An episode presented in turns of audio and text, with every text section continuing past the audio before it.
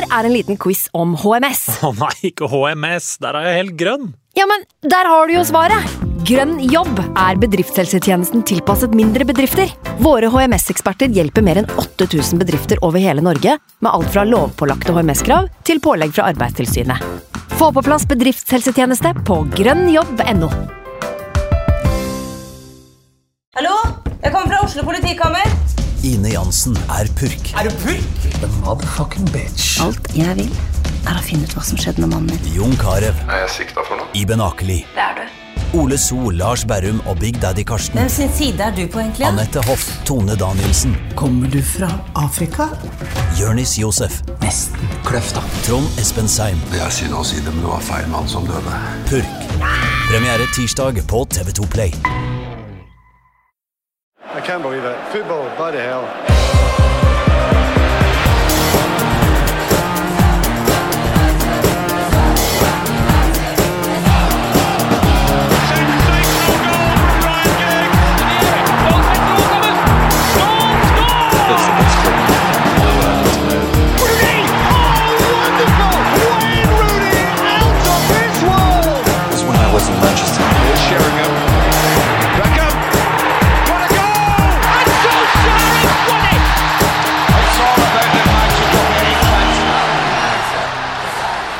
Velkommen skal du være til en ny episode av United We Podcast. Jeg heter Ken Vasenius Nilsen. I dag så har jeg med meg VGTV-sjef Martin Jøndal. Velkommen skal du være. Tusen takk. Godt å ha deg her igjen. Ja, godt sist. godt å være tilbake.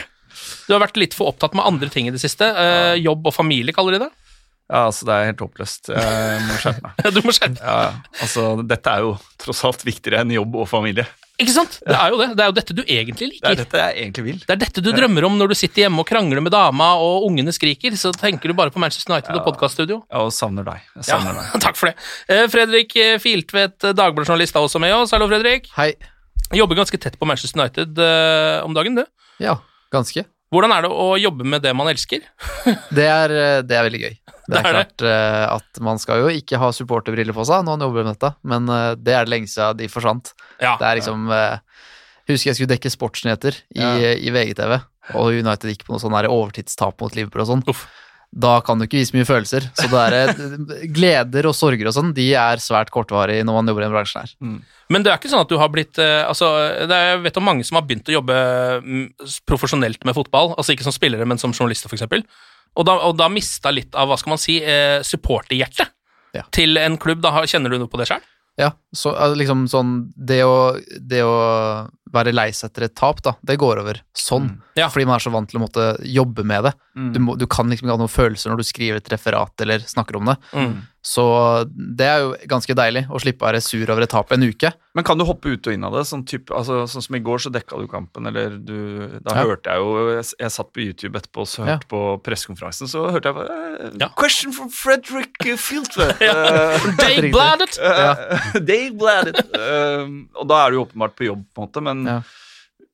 hvis du Ja, hvis det er en kamp, en finale eller en viktig match som du ikke dekker, på en måte, som du ser sammen med kompisen din, eller du er til stede, da er, er, da er, er, er, du tilbake i, Ja, jeg i hele følelsesregisteret. Ja, men det er egentlig kun i de 90 minuttene der. Ja. Og så fort kampen er ferdig, så er eh, Det er klart, seire varer litt lenger enn tap. Mm. For tap har jeg lært veldig å prelle av meg. Mm, For å skrive et kampreferat i gledesrus, da. mm. Det er Da bare glir Ja, nei, det bra. du er på jobb, liksom. Man er på jobb, Ja. men det er klart eh, man, jeg, jeg klarte ikke å kombinere det sinnet mitt etter et Mm. tap, eh, så må, man måtte bare legge det fra seg. Mm. Og det merker jeg veldig at Man kjenner at det er litt kjipt Men innimellom. du, men du legger ikke noe skjul på at du er United-fan på Twitter, eller altså, folk vet Eh, at du, er, at du har den Ja, f- eh, folk, hvis de har fulgt med, Ja. eh, så vet jo det. Ja. Og så hvis folk mener at jeg Det er jo derfor jeg kan dekke United, fordi Ja. jeg på en måte har kommet inn der.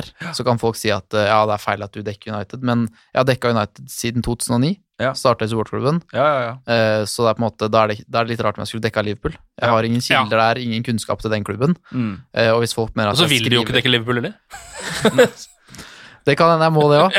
Men poenget mitt da, jeg, jeg må hele tiden vise at jeg er profesjonell i arbeidet jeg gjør. ja, ja. Og hvis noen kan virkelig ta meg på det, så må jeg legge meg flat. Men man vil jo alltid få anklager om at eh, eh, Hvorfor skriver du bare om United? Nei, det er jo kun det jeg kan om. Jeg er en ræva journalist på alt annet. Men hvor vanskelig, hvor vanskelig jeg, Nå Ja, ble jeg nysgjerrig, for jeg hørte, når jeg hørte postmatch-pressekonferansen, så hvor vanskelig er det å være en av de ti-tolv som får um, stille spørsmål? Uh, jeg, det virker nesten som Solskjær har uh, gitt info om at når, det, når eh, dere gir tilgang til norske journalister, så lar dere de stille spørsmål. For Ja. stort sett får alle nordmenn komme til ordet. Ja, ikke sant? Uh, men utfordringen med det er at du vet jo aldri når det er din tur. Nei. Så du har jo Ja, så Du må sitte med ti spørsmål og så stryke over de riktig. som eh, tidligere Helt journalister riktig. har stilt. ja, Ja. Så, så i går følte jeg at eh, åh, den her, Ja. den, den sitter. Var det Nei. førstevalget ditt, eller? Ja, ja, nei, nei, nei, den i går, nei. Nei. det var, det var uh... Hvilke spørsmål var det du stilte? Jeg spurte rett og slett om eh, For jeg fikk med at Pogba sa at eh, Solskjær motiverte dem i pausepraten. Mm. Og så sa jeg hva, hva sa du, hvilke instruksjoner ga du? Ja. Og så oppsummerte han litt hva han hadde sagt, da. Ja. Men jeg, jeg, det naturlige var jo på en måte å begynne med, med Kavani. Ja. Men det var jo de tre eller fire første spørsmålene. Ja, ja, det var mange bare som hadde stilt spørsmål om bli Kavani, hva gjør dere? Riktig. Eh, men eh, konkurranse mellom meg og Ken, hva ville du eh, eh, spurt om Ken? Åh, oh, dæven. Ja, hva, hva, hva savna Har du sett eh, pressekonferansen? Ja, nei, ikke denne. Ah, okay. Eh, men jeg vet jo sånn cirka hva det går i. Ja. Ehm, hva ville jeg spurt om nå? Jeg kan, jeg kan Ja, hva ville du spurt om? Ja, altså, fordi det eh, irriterte meg særlig i hele første omgang, litt mindre i andre omgang. Um, men det jeg ville stilt spørsmålstegn ved, er bruken av Rashford på høyrekant. Ja, ja, enig. Uh, jeg syns eh, Rashford spiller på 70% på Mm. høyrekanten. Hele venstresida, samarbeid med Luke Shaw. Uh, Mm. eh, altså venstresida svekkes, og Luke Shaw spiller dårligere. Mm. Jeg fatter Jeg skjønner ikke hvorfor han gang på gang på gang bruker Rashford i denne rollen. Eh, det hadde jeg uh, Altså, det, hadde jo, det er jo et uh, detaljspørsmål, men jeg tror det er noe mange supportere irriterer seg litt over, da. Fordi venstresida vår med, med Luke Shaw og Rashford er så jævlig bra Ja. når, de, når de spiller sammen og produserer så mye. Mm. Og så virker det som han han ofrer et eller annet når han putter Rashford ut til høyre. Helt enig. Og det morsomme med at du sier det, er at det er jo et av spørsmålene på lista. Ja. Men balansegangen her da, er at jobber du for supportklubben, Mm. så er det et kjempegodt spørsmål. Ja. Men Dagbladets lesere er ikke United-fans. Nei, nei, nei. Så, så det er liksom Ja, ja. kunsten Ja, jo, og balansen mellom å, Ja, hva jeg personlig lurer på, Mm. og hva våre lesere ikke vil sant? vite om. Så det er et eller annet Eh, med hvor langt ned i materien kan du egentlig gå? For det, det blir nerdete, da. Ja, ja, ja. Det er kjempeinteressant for United-fansen at eh, Rashford ser ikke ut til å trives der. Mm. United spiller dårligere. Hvorfor kan ikke Pogba og Rashford bare bytte ja, side, hvorfor kan ikke Pogba spille på høyrekant, liksom? Eller putt Bruno ut der. Putt Pogba sentralt. Altså, Bruno går jo løper jo rundt Mm. Uansett. Eh, har du tenkt, ut, tenkt ut et godt spørsmål? eh? Nei, Nå ble jeg så interessert i det temaet du tok opp, ja. Eh, at jeg begynte å tenke på det isteden. Ja. Um, Du vil stille et oppfølgingsspørsmål på det? oppfølgingsspørsmål på det. Det er nok det jeg ville gjort. Jeg Hva syns egentlig Marcus om å spille der ute? Ja, men det er jo et veldig godt spørsmål. Ja. Eh, For man ser jo, i hvert fall vi, det virker jo til at han ikke liker det. At han ikke trives helt med det. Han spiller jo dårligere der også. Ja, av de topp Av de spillerne på Altså de fire foran der i går, så Mm. var jo han eh, helt klart Altså han var jo De tre andre var jævlig gode, men Mm. han leverte jo Jeg syns ikke han leverte noe særlig. Jeg syns den ser eh, uinteressert ut Ja, når ja. han spiller på høyresida. Mm. Og du, du merker liksom at ah, jeg må gå på utsida når jeg spiller på høyre. Det er jo innover i banen jeg vil trekke meg av. Han får ikke brukt det han er god på der Nei, ute. Så jeg forstår veldig godt.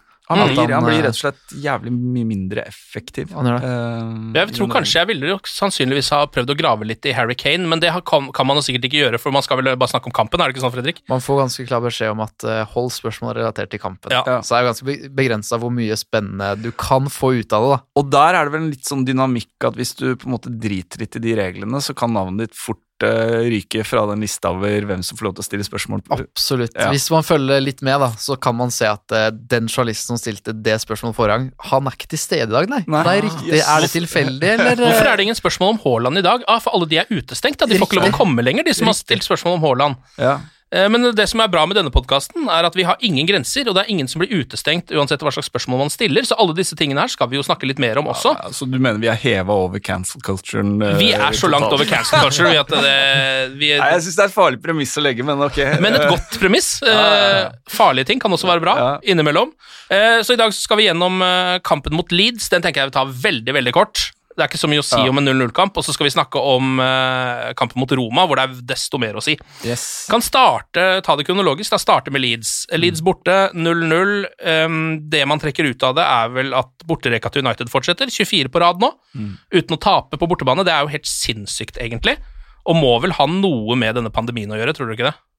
Altså, det, Hvis dette hadde vært en normal sesong med publikum, så hadde jo dette vært altså, over eksepsjonelt. Nå er det jo fortsatt veldig, jeg, veldig bra. Jeg, jeg veit ikke, øh, og det har kanskje du mer kontroll på enn meg, Fredrik, men hvordan er det øh, altså I starten av pandemien så var det en del sånn statistikk på liksom snittpoeng på bortebane versus hjemmebane, Mm. og hvilke utslag det her fikk i starten. Og så har jeg ikke sett det på lenge. Men uh, jeg veit ikke om det er Er det noe som er spesifikt Det ville være rart hvis det var spesifikt for United, men hvis Ja det er en generell trend at uh, hjemme-borte-fordelen er mye mindre viktig nå, så er det jo klart at det hjelper jo på for United. Mm. Eh, og når det gjelder Leeds-matchen, så var jo det, er jo en særlig en kamp som er liksom Det er jævlig stor forskjell på publikum eller ikke, også for meg som supporter. Ja. Eh, for, for meg som supporter nå, så var det en sånn Ja, Det var en vanlig kamp. Ja. Hvis det hadde vært et fullsatt Ellen Road Ja. Uh, Og det er jo rosedarby, altså ja. med historie tilbake til rosekrigene mellom eh, ja, eh, The York og The Lancasters og full pakke. Det er liksom det Game of Thrones er basert på, faktisk. Ja, det er faktisk oh, ja, det er det? ja, Stark og Lannister, ikke York og Lancaster. Ja. Så det er ganske spennende Det er egentlig et veldig spennende oppgjør, og da, nå har vi det tilbake igjen i Premier League for første gang på lenge. Det burde egentlig vært kanskje en litt mer sånn Ja, litt mer følelse rundt kampen. da Den forsvinner jo når folka forsvinner, og når det blir 0-0. Mm. For man husker jo den forrige kampen de hadde. Paul Trafford. Den kommer man ikke til å glemme på en stund. Der ble det jo Ja, hvor mye ble det? Hva ble det da? 6-2, eller noe sånt, ja. til slutt? Husker den bedre enn 0-0-kampen. Ja. Sånn. Ja. eh, jeg vet ikke hvor mye mer vi skal si om den Nei, matchen. altså, det var litt Men det, jeg, jeg syns øh, Det var vel Jeg tror Solskjær var inne på det etter kampen også, så det man kan ta med derfra, er vel at Leeds har jo hatt en tendens til å kunne klare å overkjøre en del lag i andre omgang, eh, blant annet Liverpool et par uker før United øh, var på besøk på Ellen Road. Mm. Eh, og det sier jo noe om på en måte det formen, eller fitnessen, til United. Uh, og at den er eh, betraktelig bedre. Mm. Absolutt. Eh, for jeg syns vi, vi styrte jo den kampen. Det var, det var mye banespill og lite som skjedde foran måla. Men, uh, og sånn sett en kje, litt kjedelig match. Men Ja. vi, vi ser jo solide ut, på en måte. Ja, ja. Er det et lag som skal vinne den, så er det United. Ja. Og det er ikke, samtidig er det ikke overraskende når du ser hvordan Leeds presterte mot City, slo City borte, tok poeng mot Chelsea, tok poeng mot Liverpool.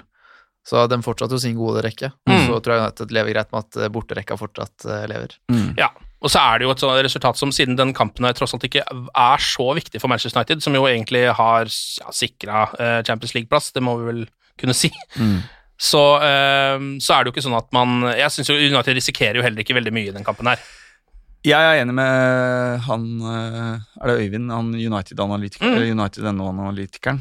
Jeg kunne godt tenkt meg å se Pogba på banen tidligere i andre omgang. Mm. Liksom en, en spiller som kan holde litt i ballen høyt på Leeds sin banehalvdel og på en måte gjøre noe kreativt. da. Jeg syns Ja, Han blir vel åpenbart hvilt inn mot den Roma-kampen. Ja, men eh, jeg, jeg, eh, Dan James har sine øyeblikk, på en måte, men jeg syns ikke han holder eh, nivået til United. Nei, dette her var vel en av hans verste kamper på lenge, og nå har han jo på en måte kommet seg litt opp i en ja, bedre form enn han har vært i på en stund.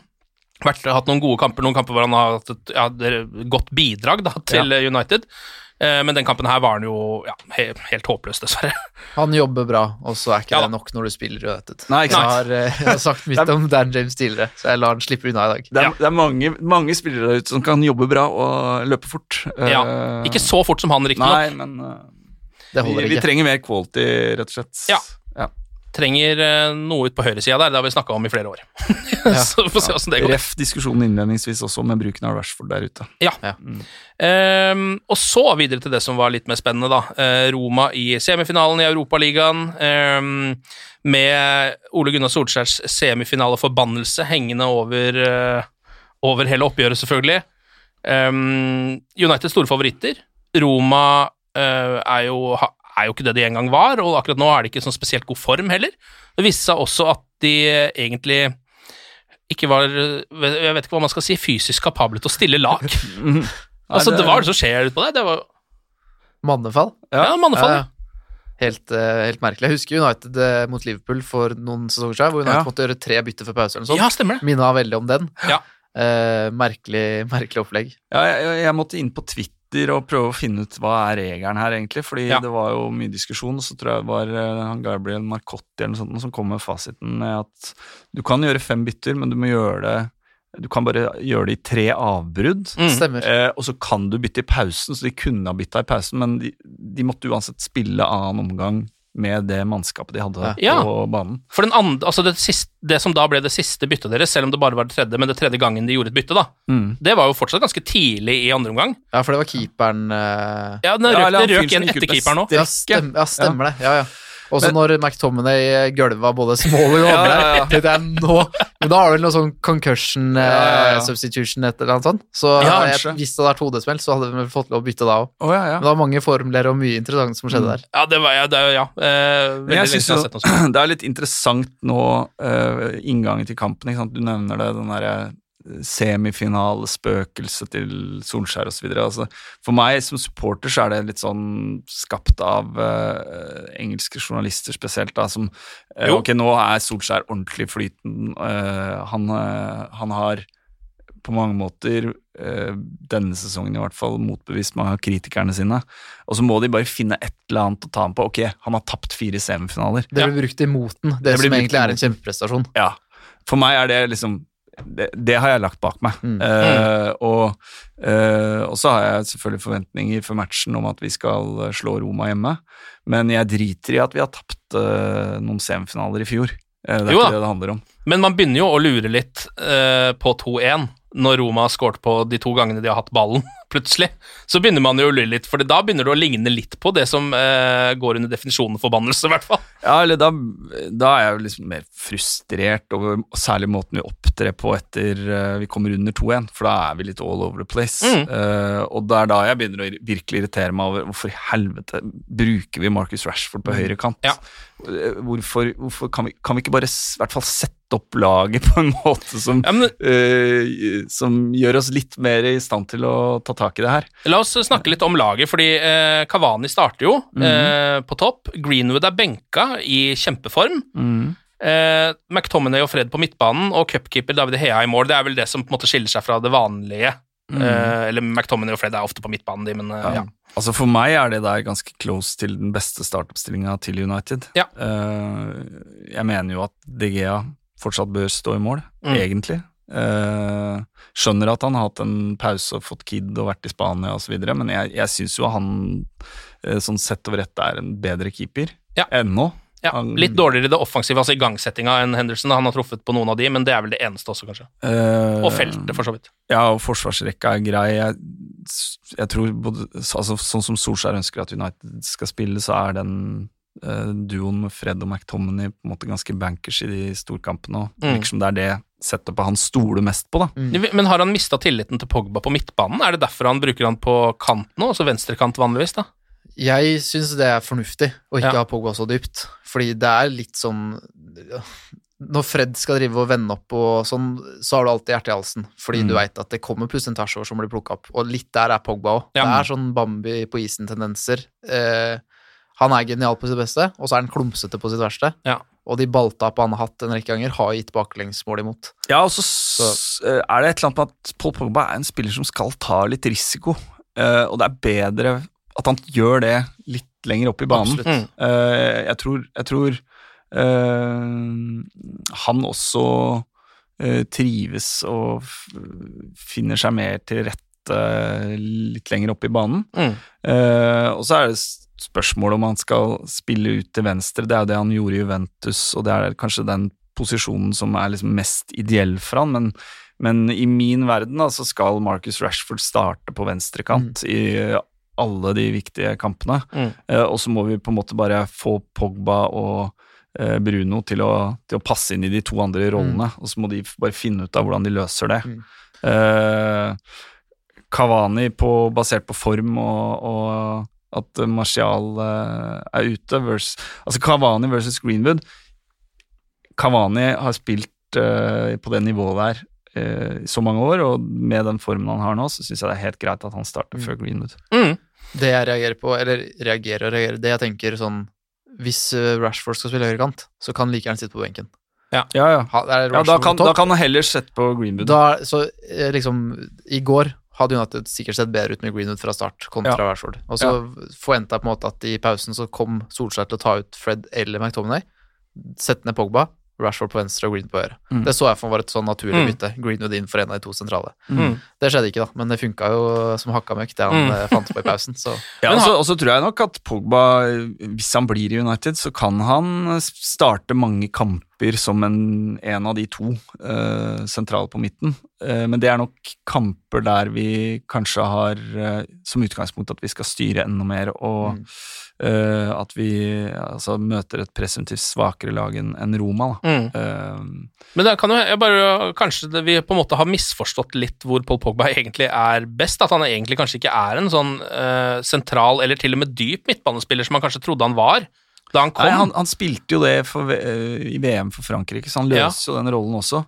Og I- ja. i preseason Det ble, var jo ikke noe preseason i år, men preseason i fjor, da, som var Solskjærs første preseason, så virka det som han drilla han som en eh, til høyre eh, sentralt, Ja. eh, sammen med McTominay. Mm. Eh, og kanskje på det tidspunktet så tenkte jeg at ok, da hadde jeg hadde sett United noen ganger den, kamp, den, sesongen, og nesten alle angrepene våre var nede venstresida. Vi hadde jo ikke noe høyrekant.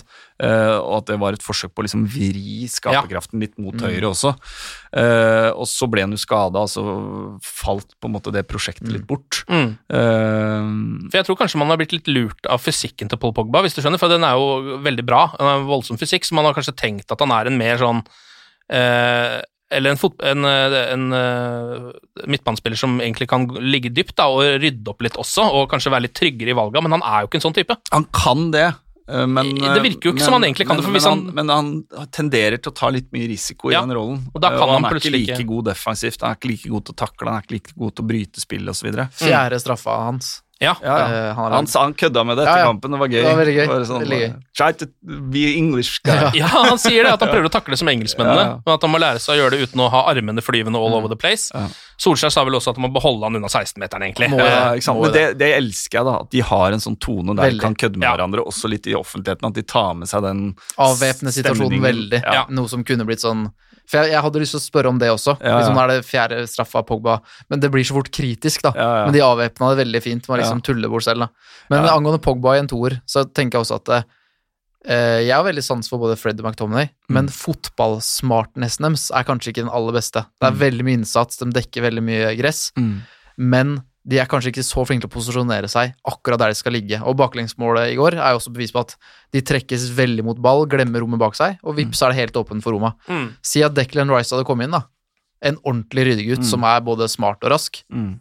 Kanskje Pogba hadde vært enda bedre enn toer da, Ja. men likevel mener jeg at det Ja. ikke er Pogbas beste posisjon. Ja. Mm. Enten i en treer hvor han kan være indreløper, Ja, ja. eller ute på en av kantene. Men hvis han skal spille der, så må han i hvert fall ha en ordentlig ryddegutt ved siden av seg. Eh, Ja, Matic leser jo spillet mye bedre enn det McTominay og Ja. Fred gjør, men har ikke beina lenger. Han har, Mm. ikke, eller han har kanskje aldri hatt den farta, men har i hvert fall vært raskere tidligere enn det han er nå. Mm. Um, ellers så er det, starter jo kampen veldig bra for Manchester United. Et vakkert mål etter bare åtte minutter. Pogba som går av to-tre mann og gjør det han egentlig kan aller best. Ja, altså, de, perfekt liksom, da, Det er derfor han skal spille der. Ja. Mm. ja. I de situasjonene der så er han helt fantastisk. Det er ikke så mange som klarer det der. Uh, både fysikk og teknikk til å gå av uh, opptil flere mann som henger rundt han. Finne Kavani, som spiller på ett touch, perfekt igjennom til Bruno. En ball som jeg først tenker Oi, det der er en liten feiltouch, for den ser ut som den er for lang. Mm. Men den er helt perfekt. Bruno bare vipper den eh, arrogant over keeper. Kjører et lite fjes, eh, og United leder 1-0. Og så tenker man vel at oi, dette her eh, burde jo være enkel skuring, egentlig.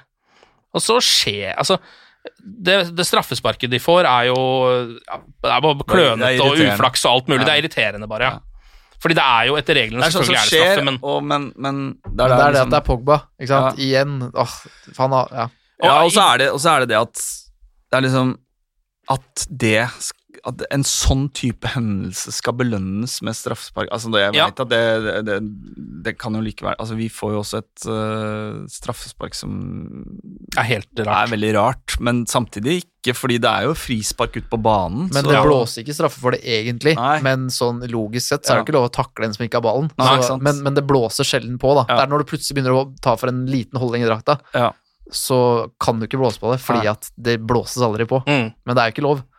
Nei, så, så Men det er, det er irriterende. Uh, og, men jeg er nesten mer irritert på det andre målet de får. Uh, fordi det er på en måte bare eh, Hva var det Solskjær Schoolboy, schoolboy errors. Altså, de klarer ikke å sette linja, de, de er blitt dratt mot ballen, som du sier. Altså Ja, det er jo et 33 minutter. Følger da- ikke med. Da har, de jo, da har United egentlig ikke slitt i all, samtlige 20 minutter etter at de slapp inn 1-1, eh, men du så at det bortemålet på straffa ga dem en liten støkk, så det var et 15-20 minutter der hvor United var slurvete og ikke var spesielt gode. Mm. Roma begynte å komme seg ordentlig inn i kampen. Og så skårer de jo da eh, 2-1 på egentlig sånn andre gangen de har ballen, nesten. Eller andre Mm. angrepet, sånn ordentlige angrepet sitt, da. Eh, masse slurv og rør. Eh, Miktarian med det han en gang ble kjøpt til United for å gjøre. En glimrende pasning, en eh, tunnelpasning Ja. på Scott McTominay. Han så jo ganske bra ut i første Ja, omgang. Ja. Han gjorde det. Eh, og det ender opp med at Edin Cheko skårer, da, og Roma leder plutselig 2-1. Og så må jo Roma plutselig gjøre sitt andre bytte allerede etter 36 minutter, og så begynner det liksom å rakne litt for Roma også, virker det som. United kommer seg litt inn i matchen. Ja, eller jeg syns vi er ganske dårlige egentlig fram til pause, og så får, så får Kavani får en eh, altså en gratismulighet rett før pause der som han Ja. roter bort. og da, Det er frustrerende, fordi jeg sitter der og tenker at ok, men jeg er sur fordi jeg tenker dette kan vi fint vinne, og jeg tror fortsatt at vi skal vinne 3-2, Mm. men det er et dårlig resultat Ja. å ta med seg til Roma. Ja. Så det er sånn, åh, faen, det, det er nesten det beste vi kan håpe på, er at vi klarer å score et par mål i andre Mm. omgang. Men selv det vil gjøre at jeg skrur av TV-en og er skuffa. Ja. Eh, så sånn sett frustrerende å, å gå til pause der. Det jeg så for meg da det var 2-1 til pause, er jo at et lavtliggende Roma, Mm. hvor United skal stange og stange og stange, Ja. så får de perfekt åpning, da, med Ja. en tidlig andre gang. Det endrer jo alt. Men det var det jeg så for meg. Altså, ja. Og den skåringa til Kavani der etter pause, den gjør jo opp for den tabben, eller den elendige greiene han drev med rett før pause. Mm. Ja. Eh, På overtid første gang får to sjanser, egentlig, Ja. etter en feilpasning. Eh, bommer på begge. Bør sende dere på returen der. Ja, Ja, ja. bør faktisk det. Eh, og den første avslutninga er ganske svak også. Den må Ja. gå høyt hvis han skal score. Mm. Han setter den langs det er mye svakt der. Mottaket hans i starten er Ja. svakt. Han kom for langt ut. Og det oppsummerer på mange Ja. måter egentlig vært store deler av første gang for United. Ja. da, akkurat den situasjonen der, fordi Roma slurva egentlig nesten mer enn United i første omgang. Men De bare United grep ikke mulighetene. nei, klarte ikke å utnytte det, og slurver tilbake igjen. Og det ble egentlig en veldig rotete, veldig lav kvalitet på kampen da i Mm. første omgang. Men som du sier, Fredrik, så skårer jo United eh, rett etter pause. En, eh, et deilig angrep, egentlig. Pogba, Kavani, Bruno tilbake til Kavani, opp i krysset. 2-2. Og jeg tror det var ekstremt viktig at det kom akkurat da det kom, altså så tidlig i andre omgang. Da, var det, da tror jeg alle fikk troa på et lite comeback for Manchester United. da. Um, egentlig så er jo hele andre omgang er jo, ja, om ikke eksepsjonell, så er jo noe av det beste vi har sett av United denne sesongen her, syns jeg. Ja, det er, altså det er jo veldig Vi har flyt. Vi har jo flyt i noen avgjørelser. Eh, det er jo straffa eh, kom på riktig tidspunkt. Det er en liten keepertabbe der på, Ja. eh, på andre målet til Kavani. Mm. Eh, men vi, vi, vi spiller oss også til mye sjanser som vi brenner. Så, så vi, vi kjører jo over Roma. De er jo ekstremt svake i andre omgang. Ja. Eh, United er gode, men jeg syns Roma også gjør United veldig gode. ja, ikke sant. Så øh, jeg, jeg veit ikke. Jeg har vært for så vidt sånn, sånn sett mer imponert over totalprestasjonen i noen andre matcher, men det er klart resultatet er glimrende. Ja, men også som, altså som en omgang da, eh, i en semifinale. Eh, Ja. Nå vet jeg ikke hvor mye det der, eh, det at man har tapt før har den, og hvor mye psykologisk det spiller inn i det hele tatt. Jeg tror først og fremst det er sånn Dette er Roma, det er et lag vi skal slå. Ja. Um, men du ligger under mot de. Det er sikkert jævlig frustrerende, fordi de målene de har sluppet inn, er også sånn røremål, på en måte. Altså, hvorfor ble dette mål og dette mål og dette mål? Hvorfor blir ikke noen av våre sjanser mål? Eh, og så klarer du å liksom levere ikke bare det at de snur kampen, som jo hadde også vært en god prestasjon, og kommet til, opp til 3-2, men at de rett og slett kjører over de og får et utgangspunkt som betyr finale, nesten. Ja. Det er ganske Det syns jeg Ja. Ja, og, eh, vi, vi, og, og det er et resultat at vi er, vi er mye mer på, mye bedre, Uh, og så har vi flyt. Uh, Ja. Og det, og det, det er sånn når Greenwood kommer på der, så med den flyten så tenker jeg sånn Altså, han kommer til å score. ja. Det er, Det er så typisk mål han skårer òg, for det er Ja, ja. både deflection og Ja, ja. redning, men det er Ja, ja. mål, liksom. Ja. Og så ser du Solskjær liksom hamrer eh, Greenwood på brystet før han skal inn. Du så at Solskjær ville ha mer, da. Han var ikke Ja. ferdig på 5-2. Nei, på nei. ingen måte. Nei, for du, nå var det muligheten til å liksom gripe Ja, ja. det, og virkelig Ja. Og de, de tok Spikeren jo i kista rett og slett. Tok den sjansen, eh, går jo opp i ledelsen etter 63 minutter. Nok et eh, klasseangrep, egentlig, syns jeg, av Manchester United. De har jo flere angrep i den kampen her, som, altså mens Roma skårer sine mål på liksom en straffespark og ja, riktignok ok, det er mål nummer to, da, men det er litt sånn rotete skåringer etter en ballmist og noe greier, så syns jeg United, på en måte, de måla de skårer, så spiller de virkelig ut Roma, da. I hvert fall flere ganger. Denne gangen så er det jo et angrep som begynner ut på venstresida med Shaw, og så bølger det via Pogba og Bruno over helt til høyresida. Uh, hvor Van Bissaka er i avslutningsposisjon for en sjelden gangs skyld. Eh, et dårlig skudd, men keeper i retur. Kavani står der han skal, og setter lett inn Som er deilig at vi har en spiss som faktisk står der han skal inn i femmeteren. Ja. Det har vi mangla. Skulle ikke sett bort fra at uh, Antony Marcial hadde stått på 16-meteren Med hoft- med hoftefeste. for å skru den i lengste der. så du veit aldri. Um, og så får jo United um, straffe ikke så lenge etter det også. Um, det er jo et godt angrep nok en gang. Uh, Rashford som slår inn til Cavani til slutt, og han faller da med Smalling i ryggen. Og Første gang så tenker man vel at hvis det der er straffe, så er det fordi det er en dytt fra Smalling.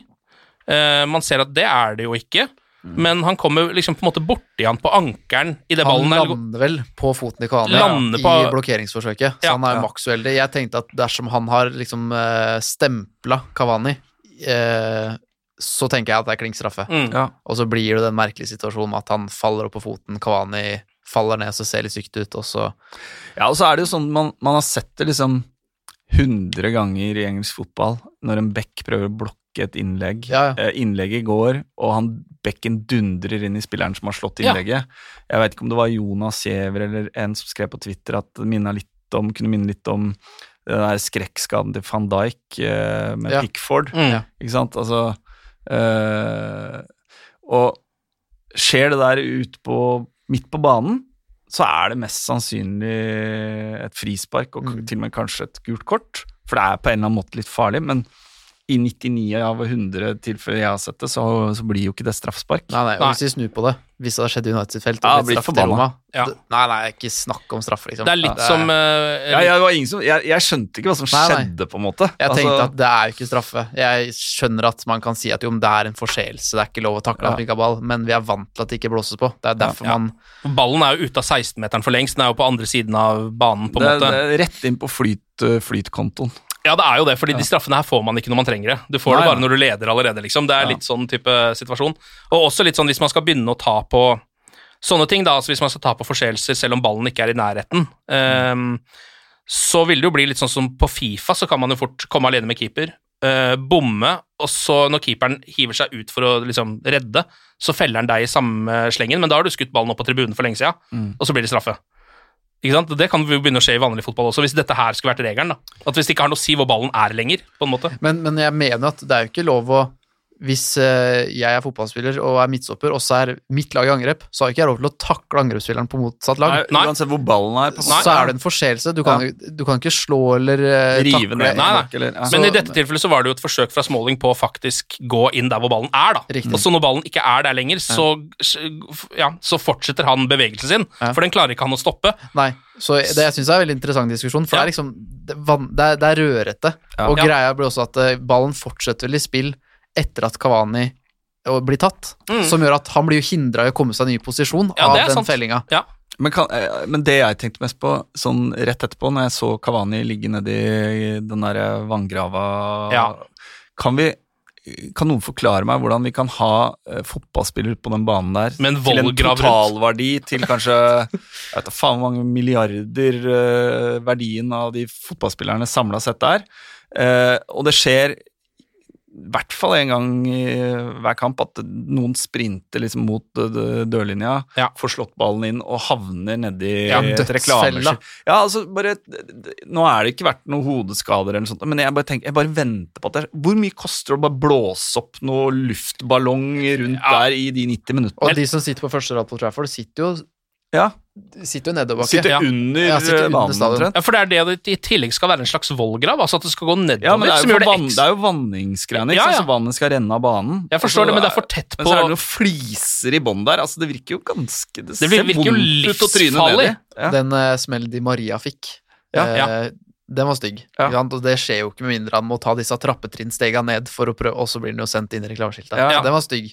Og det er jo fordi banen er på utforma på den måten den er. Ja. Det er faktisk livsfarlig det er det, på et eller annet tidspunkt, men man må jo vente på den store skaden uh, før noen gjør noe med det. Det er jeg nesten helt sikker på. ja, mulig. Um, Da har jeg, da har jeg sagt sånn Da er det sagt. Hva var det jeg sa? Ja. Hva var det jeg sa? Nå har du eh, belegg for å si hva var det jeg sa, og det er jo det man alltid hopper på å få. Uh, United får uansett straffespark. Det sjekkes av VAR, men der blir det vel en sånn god gammel Ja, etter re reglene så har han jo blitt felt her, så vi kan jo ikke ta dommeren på det Eller? Det er jo ikke clear and obvious. Det er ikke clear and Så, obvious, som de sier. Eh, Bruno skårer selvfølgelig på straffesparket, knallhardt i hjørnet. 4-2 til United. Um, 5-2 kommer ikke så lenge etterpå. Seks minutter senere, Paul Pogba fra en corner. Er det en innøvd variant vi ser her, tror du, eller? Er vel så Kommentatorene mente, men er det ikke bare en kort corner eh, Ja. bak til Ja, til Bruno. Så den er ikke kjempeavansert, Nei. men mulig de har øvd på at uh, Shaw skal stå her og prikke de fra den vinkelen, eller Hvem var Ja. det som slo den? Ja, det var vel Shaw som rulla den ut til Bruno, Riktig. riktig. eh, som la den inn på panna til Paul Pogba. Mm. Og så er det 5-2. Det der hadde man kanskje Ja, bra heading av Pogba. Det er en bra heading av Ja. Pogba. Man skulle kanskje tro at man skulle se det der litt oftere når man ser Ja. Paul Pogba. At han skulle være litt mer i de posisjonene og få skåret noen mål på hodet. Og det er jo det som også blir tatt fra Pogba når han spiller for dypt. Da Ja. har han ikke hatt kondisjon til å komme seg inn i boksen, der han kanskje er aller best. Ja. Så Solskjær jobba veldig med kondisjonen hans, men Ja. han spiller gjerne for dypt da, til at han ikke rekker, Mm. rekker det ellers. Mm. Og så eh, er det jo Mason Greenwood som får æren av å eh, avslutte hele ballet etter 86 minutter. Nydelig Fin, fin pasning fra Cavani. faktisk, fra Cavani. Mm. Litt sånn som man forventer, eller ser fra liksom, ja, Kevin De Bruyne og Bruno Fernandes og sånne type spillere. Eh, rett til Mason Greenwood, som selvfølgelig scorer når han kommer i den posisjonen, så gjør han det alltid, nesten. Ja, når han er i form, så Ja. har han en egen egenskap til å, til å få den på mål, og veldig ofte inn i mål òg. Ja, og ofte så er det jo sånne type avslutninger som det her, fordi jeg tenker jo i det han avslutter, så er det sånn Oi, du, nå er, burde du avslutte akkurat nå? Fordi han er litt, litt langt unna mål. Mm. Han har en fyr som er inn for å blokke. Han har, han har en ok vinkel, men han må bruke høyra si. Den er jo ok, den, da, men jeg, Den er ok. ja, ja, jeg har litt sånn følelse at enten her så må han prøve å dra seg inn, dra en mann, eller Mm. altså finne på noe annet, men han går som regel bare for det, og da ender det ofte sånn som dette her, via et kne eller noe sånt, og så en hånd fra keeperen, og så går det i hjørnet allikevel. For øvrig egentlig en sånn Jeg syns Greenwood har hatt en perfekt andre sesong, der han uh, har eh, møtt motgang, Mm. uh, fått liksom den første liksom uh, trøkken i engelsk presse, Mm. Ja. fått kritikk eh, Man trenger jo det litt, i hvert fall når man ble bygd opp ja, sånn som han ble. motgang på, på privaten Mm. med han kompisen sin tidlig i sesongen. Det har vært mye. Mye, mye styr, liksom. Måtte takle det, deale med det. Uh, bygd seg opp. Blitt Solskjær har vært inne på at han har blitt mye bedre i banespillet. Mm. eh, og jobba sikkert med mange deler av, eh, av eh, spillet sitt.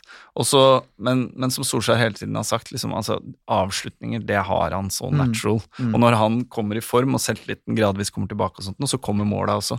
Ja. Eh, han tror jeg vi får glede av i mange Mm. mange år framover. For i fjor så var han kun en måltyv Ja. med eksepsjonelle ferdighets... eh, Altså avslutningsferdigheter. Ja. Og så var det litt sånn at men, men dersom han ikke putter en kamp, hva bidrar han med da? Mm. Nå bidrar han uavhengig av om han skårer eller ikke, syns jeg, stort sett. Ja. Mm. Og så var det sånn de første 25-30 kampene av sesongen, så følte jeg at ja, ny overstreksfinte, prøv å gå til en av sidene, Ja. alle leser eh, hva som er i ferd med å skje, og så blir skuddet blokkert. Ja. Men nå er det vel seks mål på siste ni matchene, eller sånn, så nå er Mason tilbake, Ja, ja. og litt mindre forutsigbar. Ja. Så han, han har blitt tvunget da, til å øve på ting han ikke har gjort tidligere. For Han- nå, nå er det veldig forutsigbart at han Det er en årsegg til en av sidene. Ja. Nå prøver han på litt andre ting igjen. Han har jo fått en slags ny dimensjon ved at han ikke nå alltid går for mål, da. Ja. selv om det er jo der han er best. Men Mm. nå, han hadde jo en nydelig assist til Cavani for ikke så lenge siden. Den stupheadinga hans. Ja. Altså, han begynte å, den begynte å Ja, innleggsfoten begynner å sitte litt òg. Men spørsmålet er jo liksom hva, øh, Hvor lenge skal han spille ute til høyre, og når er det han skal han midten, flyttes, ja. flyttes inn sentralt, da? Um, Tror du ikke det skjer hvis ikke Edison Cavani blir med et år til, da? At han uh, Greenwood blir ser- Får vi se litt. Vi skal jo, snakke litt om mindre- transferrykter ja, også. Vi må med mindre vi gjør noen investeringer der, da. Mm. Uh, men det blir jo sikkert en avveining da i forhold til om vi kjøper en høyrekant eller en spiss. Ja. Uh, hva Solskjær tenker er posisjonen til Greenwood i neste sesong. Hva tenker du selv, da? Spiss? Om vi skal kjøpe altså, Nei, altså, hva, hva mener du selv han, er hans posisjon? Jeg, jeg syns ikke jeg, jeg, det er, jeg synes det var, Hadde han hatt på en måte den lille ekstra speeden til, som Rashford har, i forhold til å liksom passere eh, motspillere, så hadde jeg hatt mer, tro, mer troa på en langsiktig rolle ute til høyre. Mm. Men jeg, jeg sånn som jeg ser han, så skal han inn sentralt på et eller annet Mm. tidspunkt. Må, han må bare beefe seg opp litt mer og Mm. Ja. bli bedre i å ta imot ballen, holde på ballen, Enig. møte. Ja. Enn så lenge ikke god nok feilvendt til å Nei. spille fast som nummer ni, men veldig fint å kunne sette den inn der i løpet av kampen for å endre kampbildet og liksom Ja. etter 70 at ok, nå skal Mace være mer rettvendt for å Mm. Eller ikke, for det er det, problemet er at han er mye mer rettvendt når han spiller kant, Ja. men han er jo nærmere mål eh, og til å få brukt disse gode føtta sine når han spiller i nierrollen. Ja. Så- Men jeg, jeg syns ikke han er helt moden for det ennå. Nei.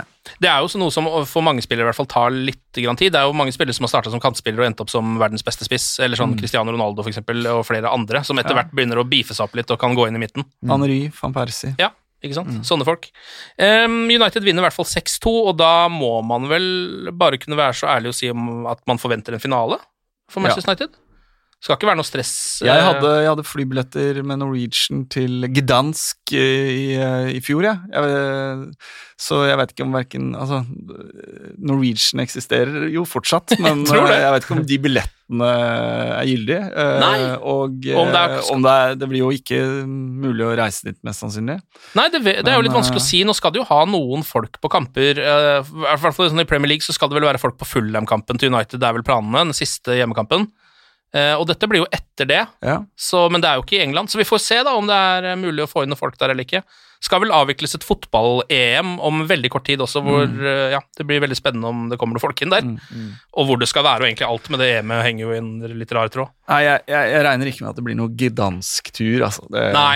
Det, det gjør det ikke. Det tror nok det blir eh, TV-en, Men, eh. men, jeg skal, men United skal til Gdansk. United skal i hvert fall uh, spille europaligafinale, det er vi ganske sikre på. Eh, vi får se om det blir mot Villarreal eller Arsenal. Det ble vel 2-1 uh, i uh, Villarreal. Hvem bør man håpe på der, da? Jeg syns det er Det vanskelig er to vriene motstandere uansett, da. Ja. Det er det jo. Ja, jo, på en måte. Eh, jeg Jeg, jeg, håper egentlig på Eller det er- jeg syns ikke Arsenal er fryktinngytende, jeg syns jo ikke det. Og jeg håper kanskje litt på Arsenal òg, bare for jeg syns det oppgjøret har litt mer schwung. Problemet, problemet da vil jo være at eh, Arsenal eh, er jo, har den ekstra motivasjonen i kraft av en Champions League-plass. Ja, Uh, Det har kanskje Villarreal òg, nå vet jeg ikke hvor de ligger. Ja, det er mulig Villarreal også har det. Men uh, ja. Hvilket lag som per nå er best av de to, tror jeg er ganske vanskelig å si. Eh, vi får vel satse på at det er det laget som går videre, sånn eh, alt i alt. Ja. Eh, et par ting til som vi må ta opp. Eh, og det er, Ting har jo gått litt fort her. Sist vi hadde podkast, snakka vi veldig mye om Superligaen. Det var det eneste som sto i fokus da. Ja, for jeg, jeg, men jeg må snakke om en ting et postmatch. Mm. For En ting som jeg syns var interessant, da, og du, du var jo med på pressekonferansen, og sånt, men jeg, når jeg så de intervjuene, så fikk jo Solskjær spørsmål om Kavani. Eh, han ble spurt om Pogba også. Eh, det var, jeg jeg elska andre omgang, og jeg var kjempefornøyd med resultatet. Men en av de tingene som jeg liksom var uh, også veldig fornøyd med, var litt måten uh, Solskjær snakka om miljøet i klubben nå. Og liksom, han snakka om det at Ja, hva er Når han ble spurt om å beholde Kavani eller uh, Pogba for den saks skyld Det der med liksom den derre det environment de skaper på treningsfeltet, at Mm. det virker som det virker som det er jævlig god stemning i spillergruppa Harmoni. og i klubben. Veldig. Uh, og at uh, alle koser seg med å komme inn på jobb eh, eller på trening hver dag. Eh, og at uh, de vil hverandre bra. De krever ting av hverandre. Du har liksom Maguire blir forbanna på Fred, eller uh, Bruno kan kjefte og smelle og melde på de andre spillerne, men, men de, de har på en måte en sånn fellesambisjon om å bli bedre. Det virker veldig sånn.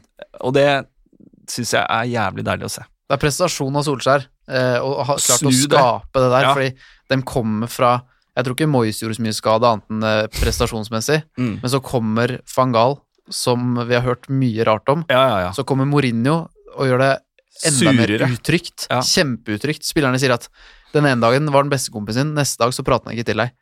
Den usikre Det er mange Ja. unge gutter. Ja, ja. Liksom og den helt andre unge gutter enn de unge gutta på 90-tallet, Ja, liksom. For der, Eh, der var det nok sånn Her er det tøft miljø. Vi, vi hater deg, for du skal ikke ta plassen vår på laget. Det var mer enn sånn. Her er det, nå er United en sånn enhet med kompiser som unner hverandre det beste. Det er lov å slenge litt dritt. En moderne prestasjonsgruppe, nærmest. Ja, rett og slett. Så jeg er veldig imponert over hvordan Solskjær på en måte har klart å bygge både klubb og eh, miljø og prestasjoner. Og jeg syns jo det har tatt litt lang tid å på en måte se forbedringen i banespill og sånne ting. Det virker, på en måte, det virker på en måte som at han har tenkt at hvor skal vi begynne hen? Hva er aller viktigst? Ja. Hvordan, hvordan skal være gode ute på banen? Jo, da må vi trives sammen. Da må vi få Mm. bort de som ikke trives, eller de som skaper kvalme og er giftig. Ja. At han har begynt i helt riktig ende, og nå ser vi at det bærer virkelig frukter, da. Ja, og det, og det uh, syns jeg liksom bobla litt i overflaten etter kampen i går. Uh, og det tror jeg også er viktig for rekruttering av nye spillere. Mm. Uh, for jeg tror at uh, altså internasjonalt, altså Disse spillerne snakker sammen i WhatsApp-grupper, og de, de har på en måte kontakt med hverandre. Og, De får en slags Eh, følelse av det også, sånn som vi fans gjør, tror jeg. Ja, og hvis du,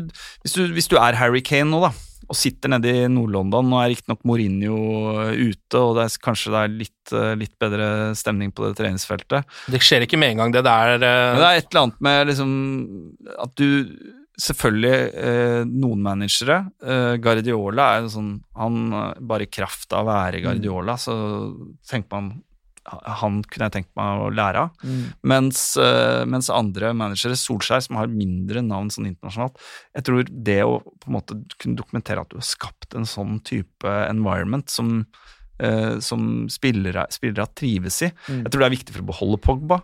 Eh, Jeg tror det er viktig for å rekruttere de riktige nye spillerne inn. mm. Uh, Det er nok viktig for for å bare vinne kamper også. Uh, Og, og til syvende og sist så vil det synes på banen også. Mm. Uh, så det var en positiv eh, takeaway eh, fra i går.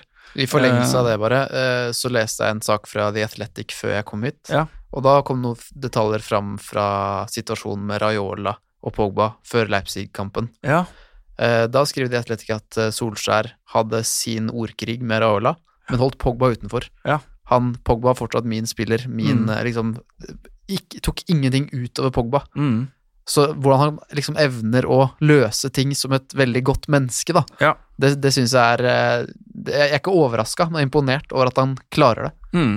Nei, det er bra, og øh, jeg veit ikke om du, hva du hører fra dine kilder øh, der borte, og om det bare egentlig bare bekrefter det som liksom kom fram i dag, og det du sier nå. Eh, men det jeg syns jo øh, det, er, det, er et, det er veldig positivt for framtida. Ja, og man, jeg synes jo, må jo også si det at jeg syns United på banen har vært jæsla gode i det siste også, eh, hvis man eh, tar Med noen få unntak. Altså selvfølgelig første omgang mot Roma eh, var ikke så bra, deler av kampen mot Leeds var ikke så bra, men sånn de siste matchene de har hatt, syns jeg det har vært liksom et eller annet solid over det. Ja, eller jeg syns jo Vi er jo ikke der at vi, vi presterer jo ikke jevnt på på en måte toppnivå som vi har sett City og Liverpool gjøre de siste tre åra. Vi er ikke et lag som eh, per nå kan ta 100 poeng i Premier League.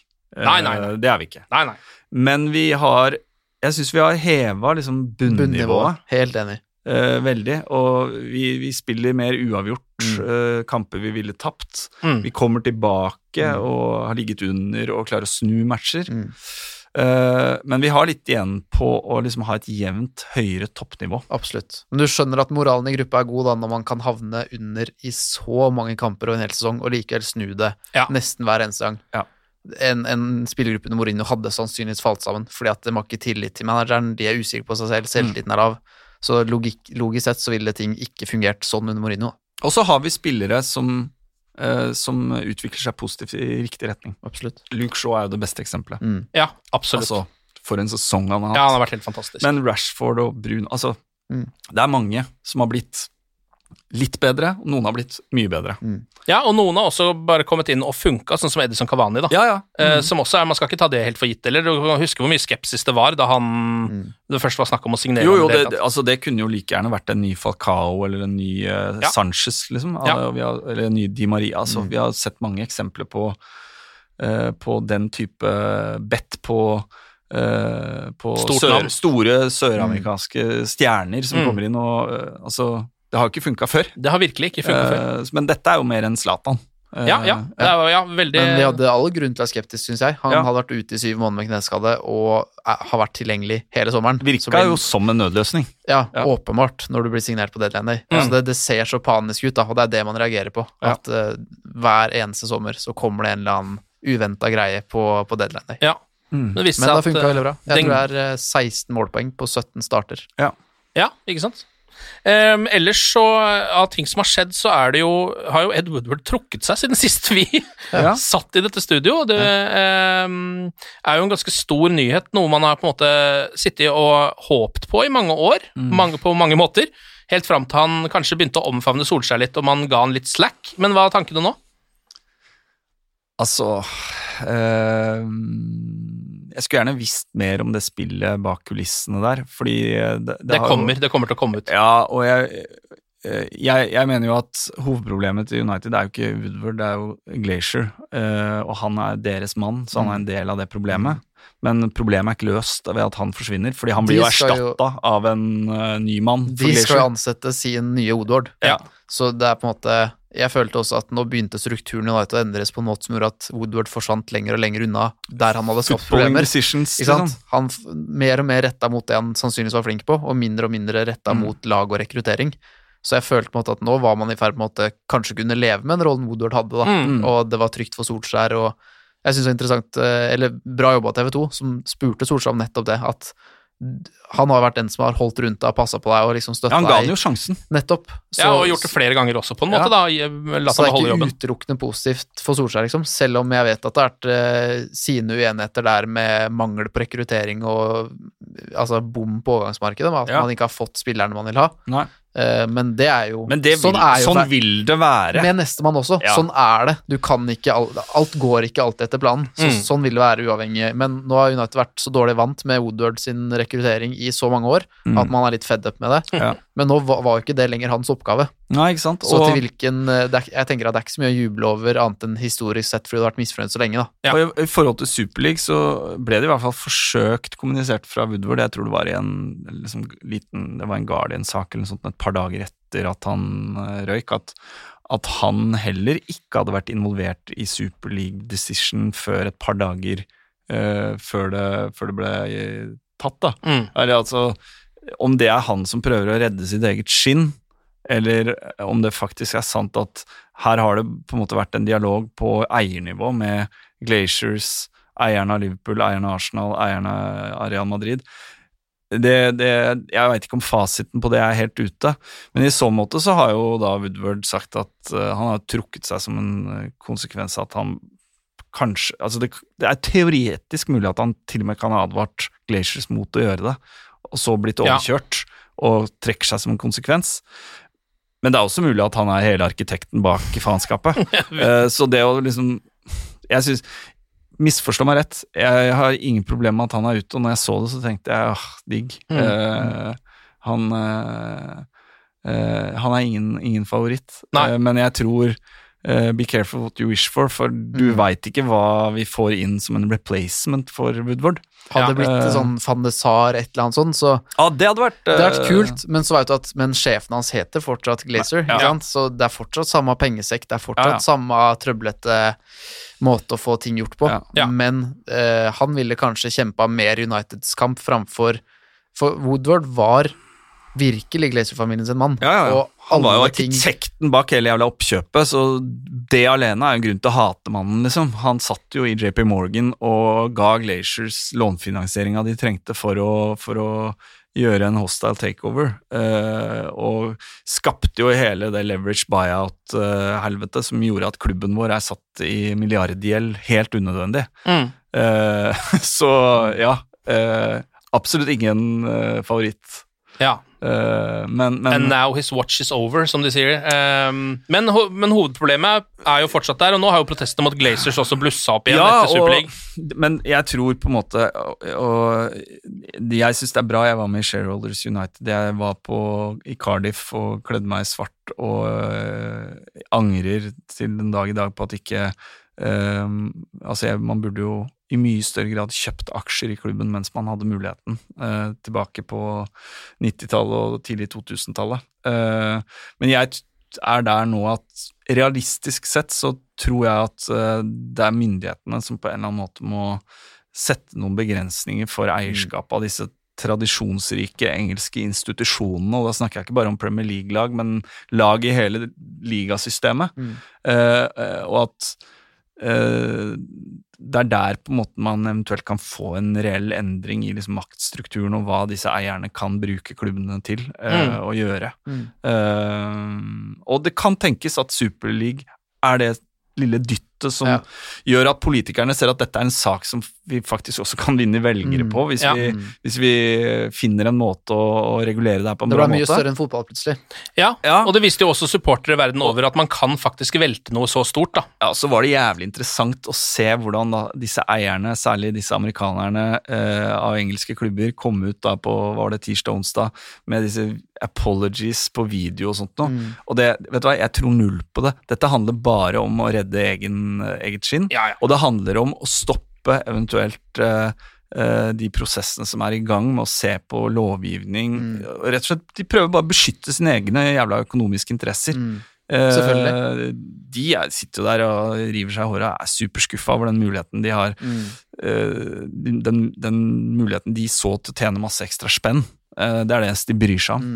Mm. Ja, ja, det er jo ikke noe tvil om det. det tror jeg ikke, de, ja, de prøver De er, ikke lei, altså, de er ikke lei seg for at de dreit seg ut, de er lei seg for at de ikke kan tjene de jævla penga sine. Ja, det tror jeg er helt riktig. Uh, og jeg håper at, uh, at det kan ha satt i gang noe som ender i en eller annen form for lovgivning eh, i, i UK, som, eh, som gjør det vanskeligere for de å ture i vei med mm, eh, eierskap på den måten de gjør nå. Vi kan jo alltids håpe. Det høres allikevel ut som en lang prosess. Eh, Vi må vel bare innfinne oss med å leve med Glaciers litt til, er jeg ganske sikker på. Det er Eh, vel i overkant romantisk å tro på en 50 pluss 1-greie, og det er vel eneste eierskapsmodellen man på en måte altså den kan trives tyske med modellen, ja. som, er bedre. For hvis Glacier skal selge nå, så er det vel til Saudi-Arabia eller noe sånt. Det, Ja. liksom, Jo, men, men, men, men det, det fins på en måte eh, Det fins jo eh, alternativer eh, på en måte eh, mellom det at eh, Altså 51-regelen og der vi er i dag, da, hvor reelt sett supporterne har null innflytelse. Mm. Uh, Så du, det har jo vært snakka om en eller annen form for styrerepresentasjon, uh, altså at, at, at man i større grad uh, involverer supporterne, og at det blir et, et krav, eller mm. at, at man, at man må, må ha det på plass. Mm. Og så tror jeg på kort sikt så kan du få noen sånn pose snakka vi med eh, så under kampen i går. Eh, så kamp sammen med Lars Gråbergsveen, som var veldig aktiv i Sherrolds United eh, 15 år tilbake. Eh, men eh, jo, det jeg skulle si er at det kan få noen sånne kortsiktige effekter der eh, eierne skjønner at nå må vi på en måte snu den eh, negative spiralen overfor supporterne, og at f.eks. safe standing Paul Trafford kan komme kanskje raskere enn det man eh, trodde. Eh, jeg veit da faen, jeg. Busser til bortekamper. Ja, altså. I don't know. Men at det, det blir noen sånne litt sånn overfladiske, men likevel positive effekter av det. Du skal ikke se bort fra det, fordi for, eh, for disse folka så handler det om å bygge renommeet sitt opp igjen, for nå ligger jo det litt i bånn etter Superligaen på mange måter. Ja. Så da kan det godt hende det kommer sånne ting som jo drypper litt på supporterne, men da vet man også at for hver dråpe som kommer, så ligger det egentlig noe ondt bak det. Og det er også en litt sånn vond Eller, følelse. eller, eller at man rett og slett eh, gjør noen heftige signeringer i sommer. da. Ja, og apropos det, Det kan jo snu en del, i hvert fall. Selv om problemet ikke er løst. Nå får vi se litt også om denne hva, eh, økonomien rundt Superligaen, hvor mye det kan være, ha å si for hvor mye penger de engelske lagene og egentlig alle lagene har, da, og Manchester United eh, spesielt. Men Harry Kane er jo navnet som har dukka opp, eh, og virker nå mer reelt enn det har vært noen gang. Eh, Fordi han vil jo tydeligvis bort fra Tottenham. Du har skrevet en sak om det, Fredrik, i Dagbladet.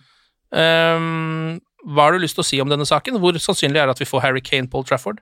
Det vet jeg ingenting om, hvor Nei. sannsynlig det er. Men, men det er klart, eh, det er ikke så at United er interessert i en spiller som ikke er tilgjengelig.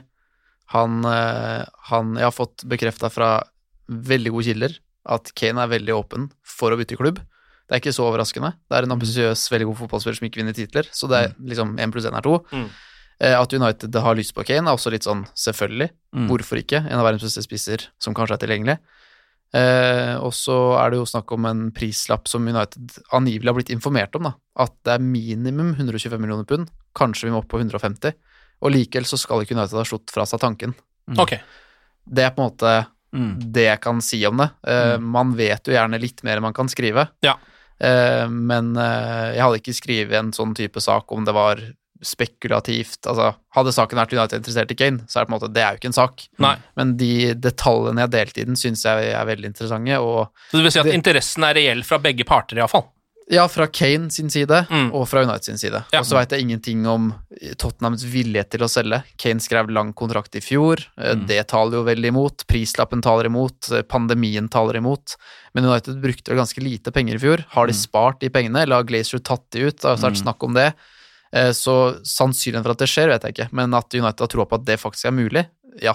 Mm. Og at han er et eh, på en måte veldig høyt opp på ønskelista. Jeg Mm. skulle gjerne ha på en måte brukt større ord og sånn, eh, men jeg veit hvor hardt det slår tilbake på meg. Jeg vet at eh, Mm. man må skrive ting med forsiktighet, da. Men, Mm. men jeg lager jo ikke ting med mindre jeg har Dette er en sak jeg har jobba med i tre uker, Mm. Ja. og jeg har hatt så gode kilder at jeg visste at dette er det ingen andre som får tak i. Så den har jeg jobba nøye med og grundig, for jeg har ikke vært redd for at den er så veldig konkurranseutsatt. Mm. Og så er det, så er det masse rykter om Haaland, eh, og så vet man litt om ja, hva er sjansene for det, og så får man noe drypp derfra om at eh, kanskje ikke sjansene er så store for det, og det er derfor Kane kommer inn i bildet, ja. Mm. Mens ryktene om Haaland kommer jo ikke til å dø. Nei. Men United kommer ikke til å gå ut og si at vi har ikke lyst på Haaland lenger, eller Mm. kanskje det handler om at de ikke har råd til han. Eh, Det er snakk om en vanvittig totalpakke for å få han til United. Eh, Han blir jo og- sannsynligvis verdens dyreste fotballspiller. ja, og Kane er ikke så mye eh, billigere i kjøpspris, men Nei, totalpakka, da. Jeg tror, ikke, jeg tror Raiola og Alfie skal ha en solid Ja, ja. eh, pakke i tillegg, da. Det er ikke sikkert eh, Kanes agent, bror, skal ha like mye av kaka, Mm. og at kan, i hans interesser er også å få broren sin da, til en klubb som kan vinne trofeer. Mm. Mm. Så tenker jeg at City er sikkert også Med absolutt eh, høyaktuelt for Kane, og jeg tror ikke han jeg har hørt at han gjerne vil bli i England. Ja. Han har ikke noe interesse av et sånn utenlandsopphold. Eh, så om det blir United eller City eller om det er en Tottenham, det vet jeg ingenting om. Men det er eh, reell interesse fra United Mm. Det er jo veldig spennende. da. Det er jo en spiller vi har snakka om som eh, en slags perfekt spiss for United i noen år. Det, er det, er jo, det er jo på en måte Det er jo en slags Alan Shearer som vi hadde to stabs at, eller Fergie prøvde på to ganger, og som glapp begge gangene. mm. Eh, men han er jo så, Altså, han er en proven Premier League goalscorer. Uh, Haaland er fantastisk, men han har ikke spilt eh, Og han har prestert jævlig bra i Champions League, altså helt utenomjordisk bra i Champions League. Men han har jo ikke Premier League-erfaringa til Kane.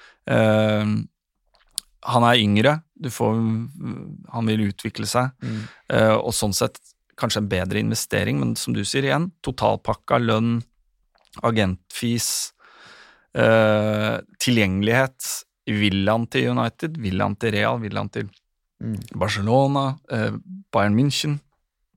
Altså eh, Han vraka United. Altså, Ja, det han ikke han United vraka sist. United han har hatt muligheten Ja, ja, tidligere. og- Mm. Så Timo- hvorfor nå? Timo Werner skåra en del mål i Bundesliga og Mm. Champions League, han også. Kommet til Chelsea før sesongen. Skåra seks mål i Premier League eller noe sånt. nå. Ja, svakt i hvert fall. Og, for, Ja. foruten at Det er ikke noen garantier i fotball. Nei, og foruten at Haaland og Kane begge to scorer veldig mye mål, så er det minimalt med likheter, da, i, Ja. i min bok. Mm. Kane er en overall helt sinnssykt god fotballspiller. Han Ja. dropper dypt, er playmaker tidvis. Han spiller litt sånn flytende. Mm. Så hvis United hadde beholdt Pogba, da, se for deg vandrende Bruno, Pogba, Kane som bytter posisjoner. Plutselig er det Bruno som tar de dype løpene i boksen fordi Kane pisker dem inn. Ja, Rashford i bakgrunnen. Ja. Ikke sant? Så Jeg, det tror, er- jeg tror Jeg tror det passer mye, mye bedre Ja. enn Haaland. Det tror jeg Det også. tror jeg. Sånn ut ifra sånn som United spiller nå, så vil jeg tenke det. Altså, det er jo på en måte akkurat en sånn type center forward United trenger. Ja. Han er ikke bare målskårer, men han kan også stikke det gjennom til de raske vingene til Manchester United, liksom.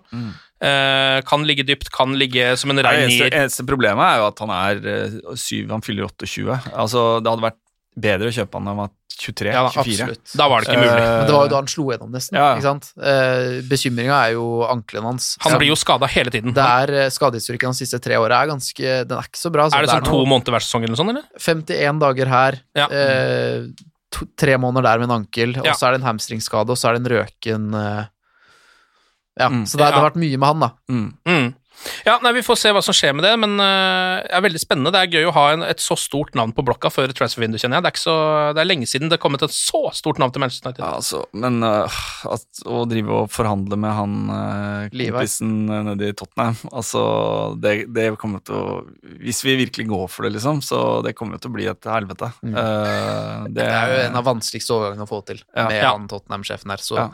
så som sagt, hva som skjer, har ikke peiling. Nei. Setter ikke noe penger på at det skjer, men jeg veit at de, de Nei, og det virker jo som det, det er jo en hedge at man prøver å beholde Kavani, på en måte. Mm. Og så kan det hende at man i stedet går for å løse høyrekantproblemet vårt.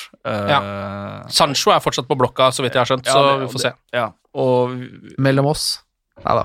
Så eh, det er ikke så lenge siden United var i kontakt med representanten hans igjen. ja, Og så er jo at United jobber med plan A, B, C, D. Hva, Ja. Hvis vi beholder Kavani, kanskje gå for høyrekant. Hvis vi får Ja. Kane, må vi kjøpe en budsjettspiller på midtbanen. Liksom. Ja. De jobber med en sånn og hva legge en kabal. Pogba, da. Hva skjer med Pogba? Hvem skal inn da? Er det van de Beek som går inn, eller vil de ha Grealish? Hva, hva skjer? Er, så de jobber med Ja. å liksom finne ut av hvilke brikker dersom Ja. Men beholder vi de vi vil beholde, signer opp Pogba på en ny avtale, som jeg mener vi må gjøre, Mm. Uh, og prøve på og jeg tror, vi, jeg tror ikke de klubbene som potensielt kunne kjøpt han, har penga nødvendigvis til å betale han en lønn og en overgangssum vi er fornøyd med. Uh, så mener jeg det er liksom spiss og høyrekant, uh, Mm. og en eller annen eh, Finne liksom ut fra hvem er aktuelle, hvem kan Mm. man få, eh, som er det mest presserende, da. Ja. Det er det og det å Eh, få solgt Phil Jones til Inter. Det, ja, altså, også, også, hvis det går an å gjøre en deal med Westham med nå som vi har Lingard som eh, bargaining chip, Mm. så er jo Rice selvfølgelig en forsterkning for oss. Da kan vi fase ut Matic eh, og, eh, og bruke kanskje Fred eller McTominay mer som At de tre rullerer mer. Mm. Eh, Så hvis det der skjer, at Jesse Lingard eh, lånes ut til Westham og blir Messi Lingard og bare er så forbanna god som han har vært nå, og det ender opp med at Manchester United da får en eh, framtidig verdensklasse midtbanespiller, da er vi der. Da skal jeg reise en statue en statue av Lingard utafor huset mitt. Eh, Liverpool er neste match. Tre kjappe ord før vi går videre. De er ikke helt i form. Tre uavgjorte på rad i alle turneringer, så vidt jeg har skjønt. Må vel vinne for å komme seg opp på topp fire. Eh, det er på Old Trafford. Hva tror dere? Eh, jeg tror vi har masse selvtillit inn i den kampen nå etter eh, dette resultatet vi hadde mot Roma. Eh, og så er det en åpen match.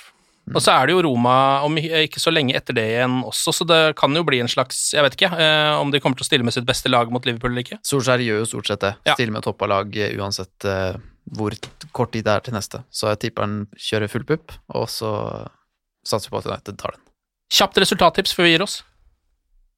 2-0 United. 2-1. Jeg hiver på en eh, 4-1 United, det er bare fordi jeg syns det er eh, jeg er, jeg er jeg er litt optimistisk, jeg nå. Ok, eh, Martin og Fredrik, tusen takk for innsatsen, og glory, glory.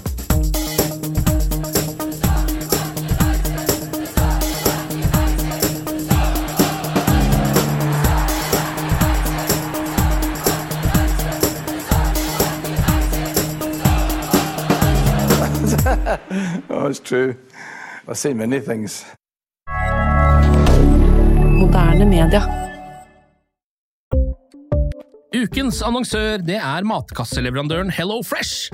Der kan du velge mellom 25 ulike oppskrifter hver uke, eller få Hello Fresh til å sette sammen en meny for deg. Jeg sparer tid på å handle, oppskriften er veldig enkle å lage, og så får jeg akkurat det jeg trenger da, til hver eneste rett, så jeg slipper å kaste så mye mat som jeg vanligvis gjør. Det er også litt deilig å faktisk slippe å gå på butikken, ikke bare fordi det er tidkrevende og sånn, men fordi man ender opp med å kjøpe så mye greier som man egentlig ikke trenger, sånn som fire poser eh, Smash og en kick med havsalt, eksempel. Det er ikke det du egentlig er der for, du er der for å kjøpe, kjøpe middag. Så det er en veldig eh, kjekk ting. I tillegg så er det jo eh, ferdigporsjonerte ingredienser, det blir mindre matsvinn, og du betaler bare for det du faktisk trenger, og det du faktisk da spiser. I tillegg så blir det da levert på døra til et eh, fastsatt tidspunkt, sånn at du kan få det akkurat når det passer for deg eh, sjæl. Hvis HelloFresh høres ut som noe for deg, så har jeg en rabattkode du kan bruke også. Gå inn på hellofresh.no og bruk koden HelloUnited24. HelloUnited i ett ord, også 24, og få opptil 1779 kroner i rabatt på de fem første matkassene dine hvis du ikke har prøvd HelloFresh ennå. Du kan også bruke koden hvis du tidligere har vært kunde, men har stoppa abonnementet ditt for tolv måneder siden eller mer. Det er ingen bindingstid, og du kan pause eller avslutte abonnementet ditt akkurat når du selv måtte ønske. Husk koden HelloUnited24, og bon appétit! Ukens annonsør er Folio, en smartere banktjeneste for deg som har en egen bedrift eller ønsker å starte for deg selv. Folio er en superenkel nettbank for bedrifter. Som kunde i Folio får du en bedriftskonto med et bedriftskort og app. I denne appen er det smarte løsninger som forenkler regnskapet ditt, uansett om du har en liten bedrift eller et enkeltpersonsforetak. Folio er både intuitivt og brukervennlig, og er laget med et enkelt språk. I tillegg tilbyr de forutsigbare priser og ingen skjulte gebyrer. Skulle du likevel trenge det, så kan du snakke med deres raske og hyggelige kundeservice, og der får du prate med en faktisk person og ikke en chatbot. Folio er med andre ord både enklere og koseligere enn banken. Over 10 000 bedrifter har allerede valgt Folio som sin banktjeneste, så besøk folio.no og se hvordan Folio kan forenkle din hverdag også. Har du et enkeltpersonforetak eller en liten bedrift? Da er du sikkert lei av å høre meg snakke om hvor enkelt det er med kvitteringer og bilag i fiken, så vi eh, gir oss her, vi. Fordi vi liker enkelt. Fiken superenkelt regnskap.